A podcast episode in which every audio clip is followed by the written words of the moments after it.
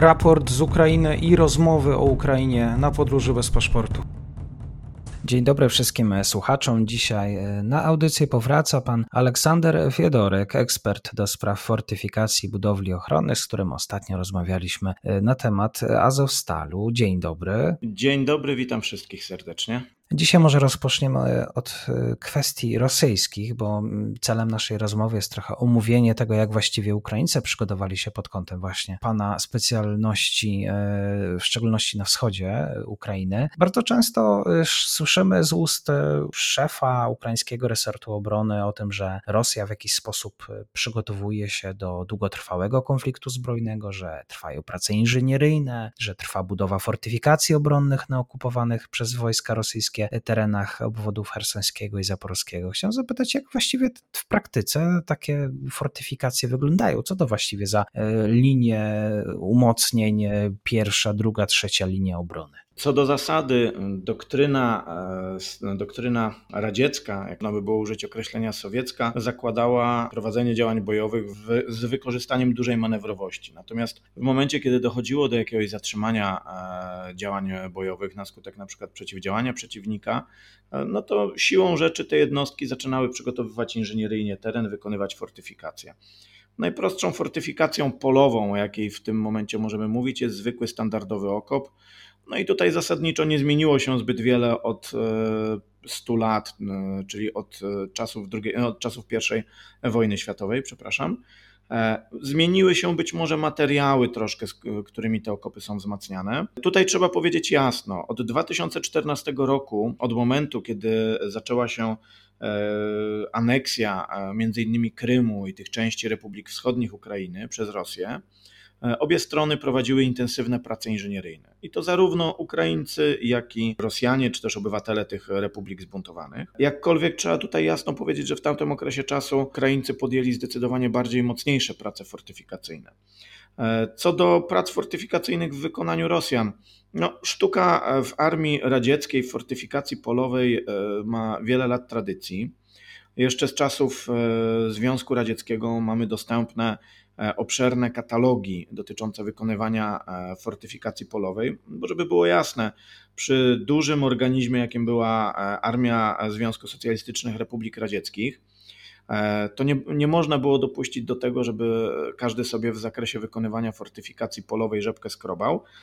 I te wszystkie konstrukcje były unormowane, one były skatalogowane, są obszerne katalogi. Jeden z takich podstawowych katalogów to liczy prawie 400 stron i na, na, w takim katalogu są opisane fortyfikacje, które można wykonać w, w, ramach plutonowego punktu oporu, jakiegoś tam kompanijnego punktu oporu, e, rejonu umocnionego, takiego mniejszego. I w skład tych fortyfikacji wchodzą, wchodzą typowo, czyli mm, okopy takie typowe strzeleckie, gdzie znajdują się stanowiska strzeleckie dla piechoty, okopy czy, ro, czy też rowy łącznikowe, które łączą poszczególne elementy założenia fortyfikacyjnego. Wchodzą tak zwane schrony bierne piechoty, czyli to są takie e, odpowiedniki polowe e, schronów, które można, było które można znaleźć w miastach, które najczęściej są budowane po kilka, po kilkanaście na terenie takiego założenia fortyfikacyjnego. No i one mają e, na celu zapewnienie bezpieczeństwa obsadzie tego obszaru, tego założenia fortyfikacyjnego w sytuacji ostrzału artyleryjskiego. E, do tego też Rosjanie e, e, też skatalogowali, unormowali zasady wykonywania takich typowych wzmocnionych stanowisk strzeleckich, w których można było osadzić na przykład karabiny maszynowe, ciężkie karabiny maszynowe, czy też broń artyleryjską troszkę większego kalibru, bo znane są przykłady takich stanowisk dla działek szybkostrzelnych. Do tego dochodzą wszelkiego rodzaju stanowiska, takie tak jak już powiedziałem, typowo strzeleckie, jakieś tam wysunięte przed linię główną e, okopów. No i tak to wygląda. Generalnie takie założenie umocnione, w którym jest zlokalizowany jakiś pododdział wojska, czyli tam powiedzmy do kompania, czy też nawet do batalionu. Składa się z reguły z e, linii, z kilku linii okopów E, połączonych rowami łącznikowymi. Do tego dochodzi, tak jak powiedziałem, kilka, kilkanaście biernych schronów piechoty, kilka, kilkanaście stanowisk ogniowych dla broni maszynowej. Ważne jest to, co widzimy tutaj w trakcie tego konfliktu w Ukrainie, że zarówno z jednej, jak i z drugiej strony są to mm, założenia fortyfikacyjne przygotowane do obrony okrężnej, czyli to nie jest tak, że one są jakieś, jakieś tak liniowe, że mają tylko te umocnienia skierowane w jedną stronę.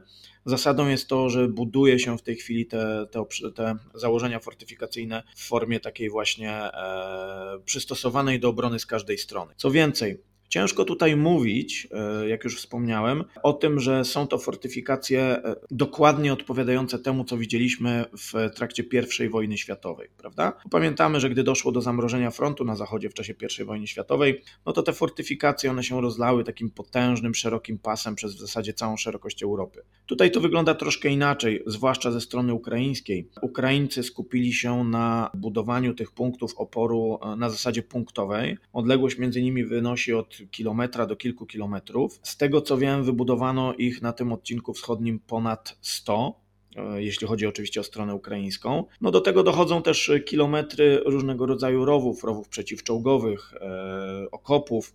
Natomiast nie jest to, e, nie jest to to, do czego nas, można powiedzieć, przyzwyczaiła I wojna światowa, czyli nie jest to taka ciągła linia. To nie jest tak, że gdzieś tam w terenie wyryto pas o szerokości, nie wiem, 15 kilometrów na długości całej granicy ze zbuntowanymi republikami i tam sobie panowie radośnie od siedmiu lat, e, że tak powiem, kopią i dziabają w ziemi. Tak? To tak nie wygląda. E, mało tego, Ukraińcy swoje fortyfikacje zrobili bardzo sprytnie, a mianowicie te, te ich założenia fortyfikacyjne wyglądają tak, E, że w czasie e, pokoju przygotowano oczywiście te wszystkie stałe punkty oporu, przygotowano schrony bierne w części, przygotowano też okopy stanowiące zarys pozycji bronionej, natomiast ze względu na to, że one w większości są położone na polach uprawnych, żeby nie utrudniać rolnikom korzystania z tych pól, zrobiono to w taki sposób, że nie wykopywano w czasie pokoju e, rowów łącznikowych. To zostawiono sobie na przygotowanie w tym okresie e, mobilizacyjnym, w okresie wzrostu napięcia, e, bo tak jak widzieliśmy to i widzimy to w konflikcie na Ukrainie, to nie jest tak, że e, wojska, wojska rosyjskie były w stanie zaatakować z dnia na dzień. No, nie ma takiej możliwości technicznej, nie przy tych środkach rozpoznania, które są w tej chwili do dyspozycji. E, jeżeli moglibyśmy dzisiaj ocenić, jak właściwie Ukraińcy są przygotowani akurat w regionie Donbasu, w regionie Ługańska pod tym kątem, czy to są, e, czy to jest silna linia obrony i właściwie jakie posiada największe zalety, mankamenty? Czy to jest silna linia obrony? Ja osobiście uważam, że tak. Uważam, że bez tego inżynieryjnego przygotowania terenu, bo tu nie tylko mówimy o tych e, fortyfikacjach, które będą bronione, ale też mówimy o wszelkiej e, możliwości przeszkodach terenowych, o jakichś e, zaporach na ważnych traktach komunikacyjnych, nawet o zwykłych wykopanych rowach przeciwczołgowych, które z wykorzystaniem terenu, co generalnie robią Ukraińcy dobrze, stanowią dużą przeszkodę dla sprzętu pancernego i zmechanizowanego. Warto zauważyć, że Ukraińcy skupili się e, w wielu miejscach właśnie na wykorzystaniu e, zalet e, terenu. Są zdjęcia satelitarne, na których widać, że Ukraińcy bardzo dobrze odgradzają od, czy też zagradzają przejście jednostkom pancernym i zmechanizowanym, wykorzystując kombinację np. terenu zabagnionego, rozlewisk, przeszkód inżynieryjnych w postaci rowów, czy też zapór betonowych, zapór stalowych, tych takich, e, jak to się mówi, czeskich jeży zespawanych z dwutełowników stalowych i to funkcjonuje. No jakie są zalety tego? No, fortyfikacja służy do dwóch rzeczy. Po pierwsze, do tego, żeby zabezpieczyć personel, oddziały, które jej bronią. Po drugie, fortyfikacja służy tak naprawdę do tego, żeby, jak to się ładnie mówi, kupić czas obrońcom, do tego, żeby na przykład e, oddziały, które są za nimi, mogły się wycofać na lepsze pozycje, lub do tego, żeby podciągnąć odwody. E, znane są relacje żołnierzy rosyjskich już z tego konfliktu, mówiących na przykład o zdarzeniach, kiedy to wdzierali się na pozycje ukraińskie, czy też znajdowali się bardzo blisko pozycji ukraińskich E, a żołnierze ukraińscy wykorzystali, wykorzystywali te bierne, e, bierne, e, te schrony bierne, o których mówiłem, chowali się w nich i wzywali na obszar swojego obszaru umocnionego, czy też tego kompanijnego, czy tam plutonowego punktu oporu, wsparcie artyleryjskie, które po prostu no, niszczyło znajdujących się tam żołnierzy rosyjskich i powodowało pośród atakujących bardzo duże straty. Musimy też zauważyć, że tak naprawdę zmieniły się materiały, bo w tej chwili nie mamy, nie wykorzystuje się już generalnie na przykład do wzmacniania e, ścian okopów siatki faszynowej, czyli takiej specjalnej plecionej między innymi wikliny. Wykorzystuje się do tego gabiony Hesko. To są takie konstrukcje z materiału i drutu, które są przewożone składane, je się rozkłada, wypełnia się ziemią. Tak, także tak naprawdę mm, zmieniły się być może materiały, natomiast pewne zasady dotyczące fortyfikowania terenu e, pozostały takie same. Przechodząc dalej do zalet, no na pewno, e, na pewno znajdująca się w takim przygotowanym wcześniej, nawet, u, nawet w zakresie fortyfikacji polowej, znajdująca się na takim, e, na takim obiekcie, obsada wojskowa jest w znacznym stopniu zabezpieczona przed ogniem artyleryjskim. Musimy brać pod uwagę tutaj też to, że Ukraińcy doskonale wiedzieli, z kim będą się mierzyli w ewentualnym przyszłym konflikcie, ponieważ w trakcie pierwszej fazy tego konfliktu, właśnie w latach 2014-2015, Rosjanie, tak jak teraz, mieli dużą przewagę w sile ognia artyleryjskiego. E, no i Ukraińcy wyciągnęli z tego wnioski. E, znaczna część tych schronów biernych, o których mówiłem, piechoty, jest budowana, czy została zbudowana z e, elementów prefabrykowanych betonowych, przewożonych na, mm, na to miejsce w postaci gotowych bloków, które tam łączono poprzez spinanie klamrami stalowymi i betonowanie. E, te obiekty, o tym już wiemy, wyposażone są w e, stalowe drzwi, wyposażone są nierzadko w, w automatyczne zawory przeciwwybuchowe czyli takie urządzenia, które chronią przed gwałtownym skokiem ciśnienia, co w pewien sposób zabezpiecza przed stosowaniem przed Rosjan e, broni wykorzystującej głowice termobaryczne. Co jeszcze? Wiemy, że część tych obiektów posiada też betonowe stropy.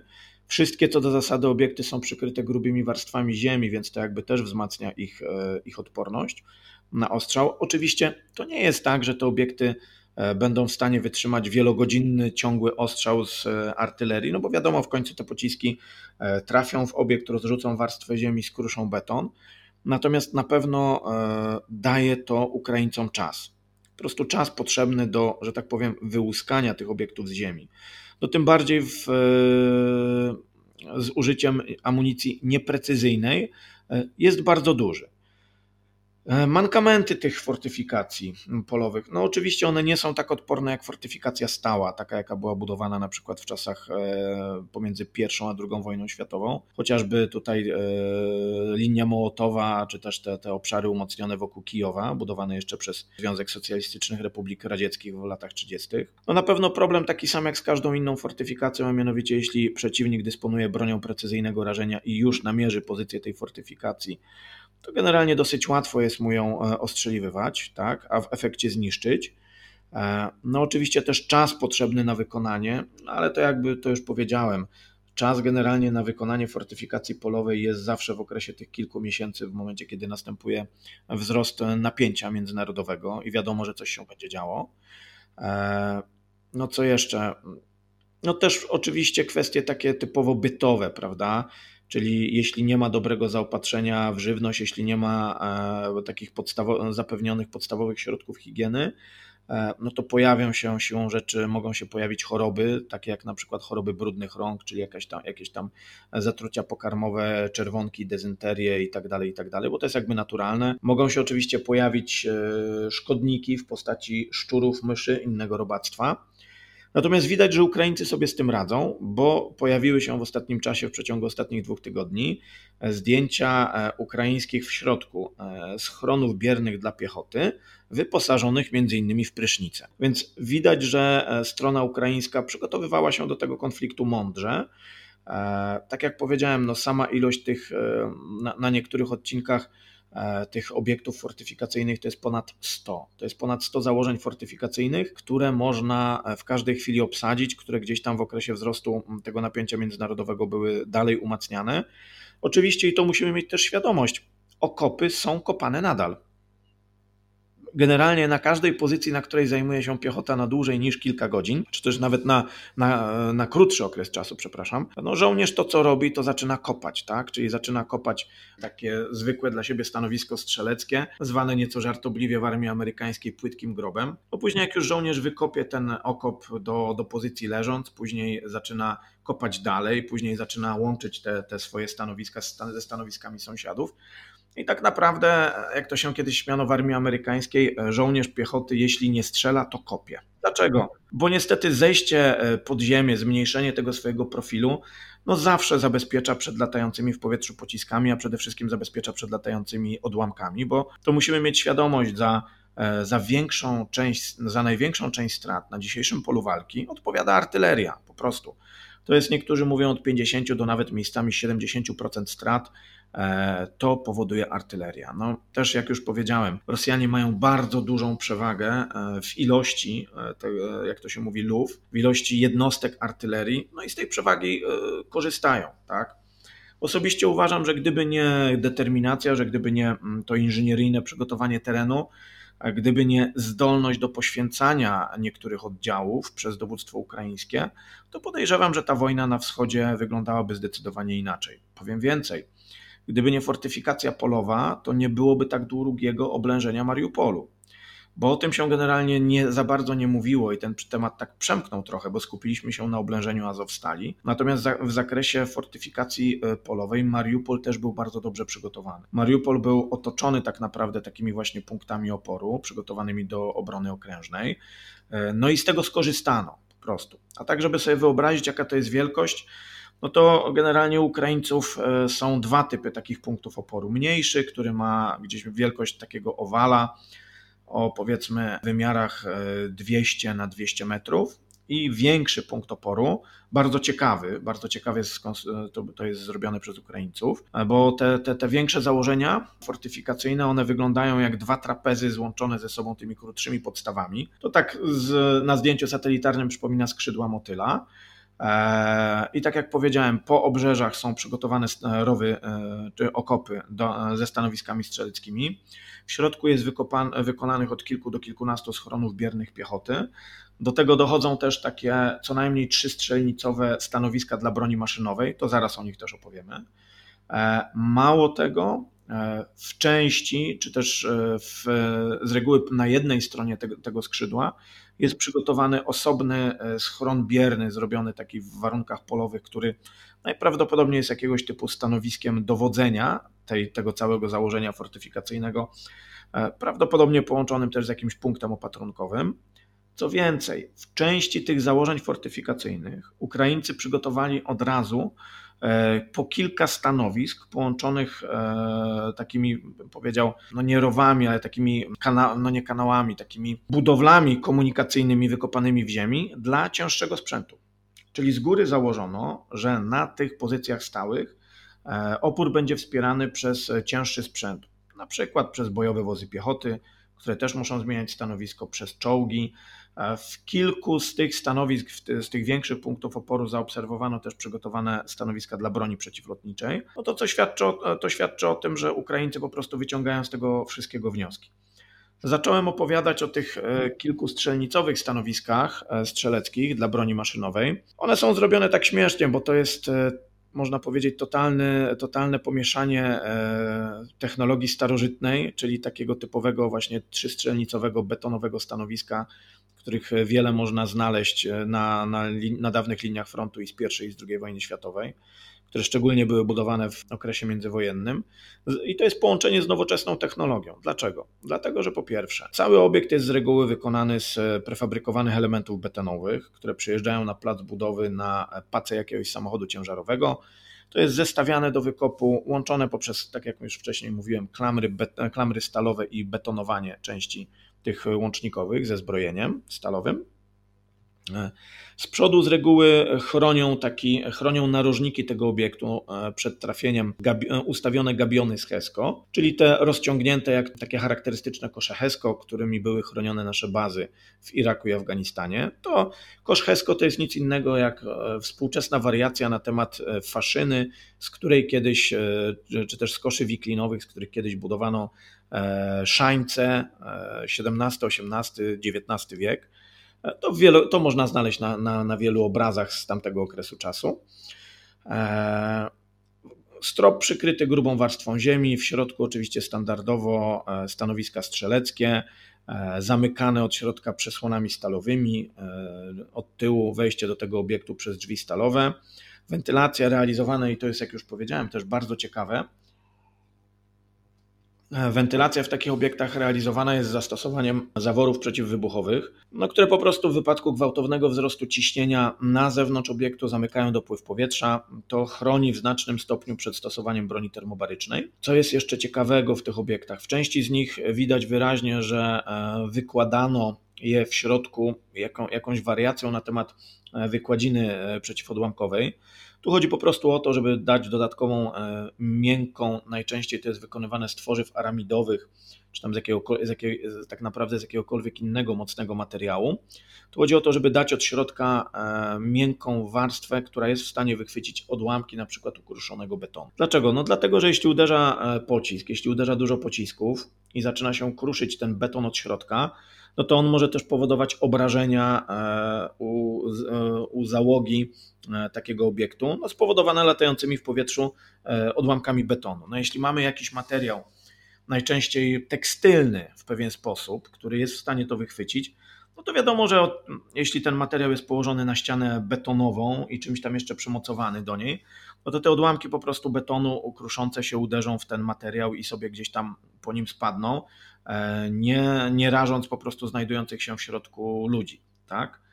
E, I tak wygląda generalnie taki typowy e, polowy, takie typowe polowe założenie fortyfikacyjne robione przez Ukraińców.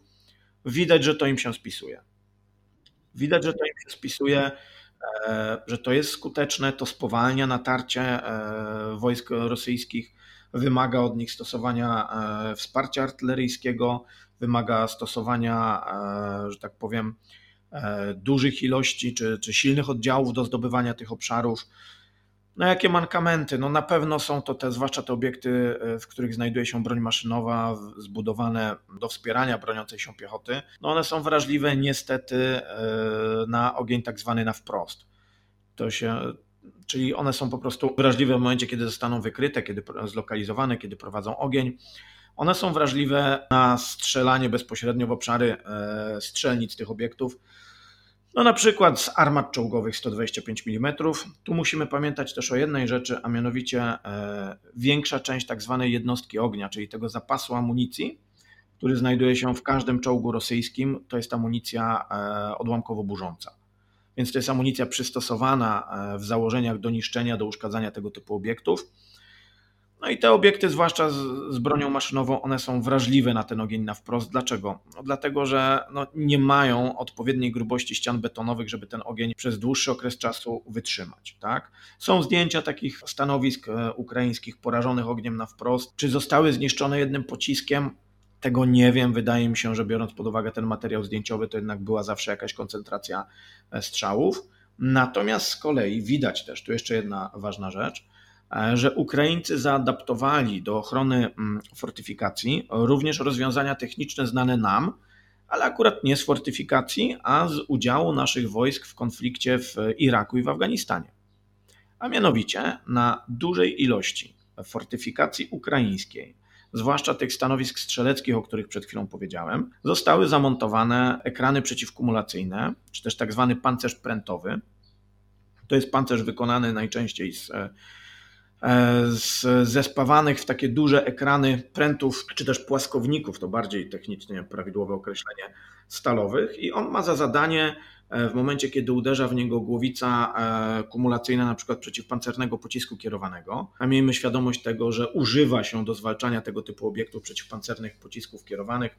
Rosjanie, zdaje się, nawet w swoich nowoczesnych PPK mają e, różne rodzaje głowic, z tego co pamiętam. No i po prostu następuje w momencie uderzenia głowicy w taki pancerz, e, ta głowica wklinowuje się w te pręty, następuje zduszenie wkładki kumulacyjnej i to powoduje drastyczne zmniejszenie skuteczności takiej broni w zwalczaniu obiektu fortyfikowanego. Po prostu zamiast przebić ten bet, tą warstwę betonu, ziemi i, i czego tam jeszcze Ukraińcy użyli do ufortyfikowania się, ta wkładka najczęściej zatrzymuje się na betonie albo jeśli jest wystarczająco mocno zduszona, w ogóle nie eksploduje. A co jednocześnie, no tak jak powiedziałem, drastycznie zmniejsza skuteczność tego pocisku. Musimy mieć świadomość, że przeciwpancerne pociski kierowane mimo swojej ceny są bardzo dobrym orężem do zwalczania fortyfikacji polowej, zwłaszcza takiej, w której znajdują się stanowiska strzeleckie. Dlaczego? Dlatego, że mają dużą przebijalność osłon betonowych w wykonaniu takim typowym do zwalczania obiektów, gdzie za, za za pierwszą głowicą kumulacyjną znajduje się ładunek burzący, czy też odłamkowo burzący, no to po prostu wygląda wtedy tak, że jeśli obiekt jest niechroniony przed takim pociskiem, to pocisk, to sam ładunek kumulacyjny przebija się przez beton, następnie do środka wlatuje głowica burząco-odłamkowa, wybucha, no i zabija wszystkie osoby znajdujące się w środku. Tak? Też trzeba wiedzieć, dlaczego te PPK są tak skuteczne, bo mają duży zasięg, bo fortyfikacja jest obiektem nieruchomym, więc nie będzie wykonywała manewrów, nie będzie uciekała tak jak czołg czy też bojowy wóz piechoty. Fortyfikacja jeszcze przynajmniej nie posiada wyrzutni granatów dymnych, żeby się zasłonić na przykład w widmie podczerwonym, czy normalnie stworzyć obłok dymu i żeby nie było jej widać, żeby nie było widać tego miejsca do celowania. Więc widać już, tak podsumowując tutaj ten, ten, ten zakres informacji, widać, że Ukraińcy dobrze odrobili lekcje z tych e, siedmiu lat konfliktu. Rzeczywiście zastanawiam się tylko takim jednym zdaniem, może podsumowując. Sypie się ta wojna Ukraińcom? Czy się sypie ta wojna Ukraińcom, czyli takie powiedzmy szersze podsumowanie. Powiem tak, na pewno ta wojna pokazuje, że współczesny konflikt, konflikt konwencjonalny jest konfliktem krwawym, jest konfliktem wymagającym ogromnych zasobów e, sprzętowych i ludzkich. I powiem, powiem może coś niepopularnego. E, nie wiem, nie wiem, bo to wykracza poza moje, że tak powiem, e, zainteresowania i zdolności przewidywania, czy Ukraińcy ten konflikt wygrają, czy go przegrają. Natomiast powiedziałbym jedno: nie lekceważyłbym armii rosyjskiej, mimo wszystko bo nadal jest to armia, która zachowuje inicjatywę strategiczną, jest to armia, która generalnie wybiera nadal, gdzie walczy. No i na wschodzie Ukrainy, e, jak to mówiąc potocznie, potwornie ciśnie Ukraińców. Czy sypie się Ukraińcom cały front i cały konflikt? Nie sądzę. Natomiast uważam, że są spychani, są miażdżeni w tym konflikcie na wschodzie e, i boję się osobiście tego, że jednak e, Rosja osiągnie przynajmniej część swoich swoich założeń strategicznych. I uważam, że generalnie Ukraina potrzebuje dużego i bardzo dużego wsparcia ze strony społeczności międzynarodowej, zwłaszcza wsparcia sprzętowego. Miejmy świadomość tego, że każdy stracony e, przez Rosjan czołg i każda stracona jednostka innego sprzętu i każdy rozbity pododdział, czy też oddział, e, czy też nawet cały związek taktyczny rosyjski, to jest ten jeden mniej czołg, ten jeden mniej pododdział, ten jeden mniej związek taktyczny, który mógłby zaatakować nasz kraj. Jakkolwiek oczywiście osobiście uważam, że atak w tej chwili Rosji na, na państwo natowskie, jakim jest Polska, jest bardzo mało prawdopodobny. Natomiast no jest stare powiedzenie łacińskie si pacem parabellum, tak? Pragniesz pokoju, gotuj się do wojny. I nie zmienia to faktu, nie, oczywiście e, nie, nie, zmienia to faktu, cała ta sytuacja, że Rosja będzie wycieńczona po tym konflikcie, no to nie zmienia faktu, że my powinniśmy mimo wszystko odbudowywać swoje siły zbrojne, no i mimo wszystko powinniśmy się szykować do ewentualnego konfliktu po to, żeby mieć pokój, bo jeśli będziemy mieli silną armię, dobrze wyposażoną, zdecydowaną, będziemy mieli silne kierownictwo polityczne, to szanse na to, że ktoś nas zaatakuje będą niewielkie. No bo po prostu taka, taka zawierucha byłaby bardzo kosztowna dla potencjalnego agresora. Dzisiaj gościem podcastu, zresztą po raz kolejny zapraszam do naszej poprzedniej rozmowy, Aleksander Fiedorek, ekspert do spraw fortyfikacji, budowli ochronnych, o czym mieli też Państwo się okazję przekonać. Bardzo dziękuję. Dziękuję bardzo. Do usłyszenia.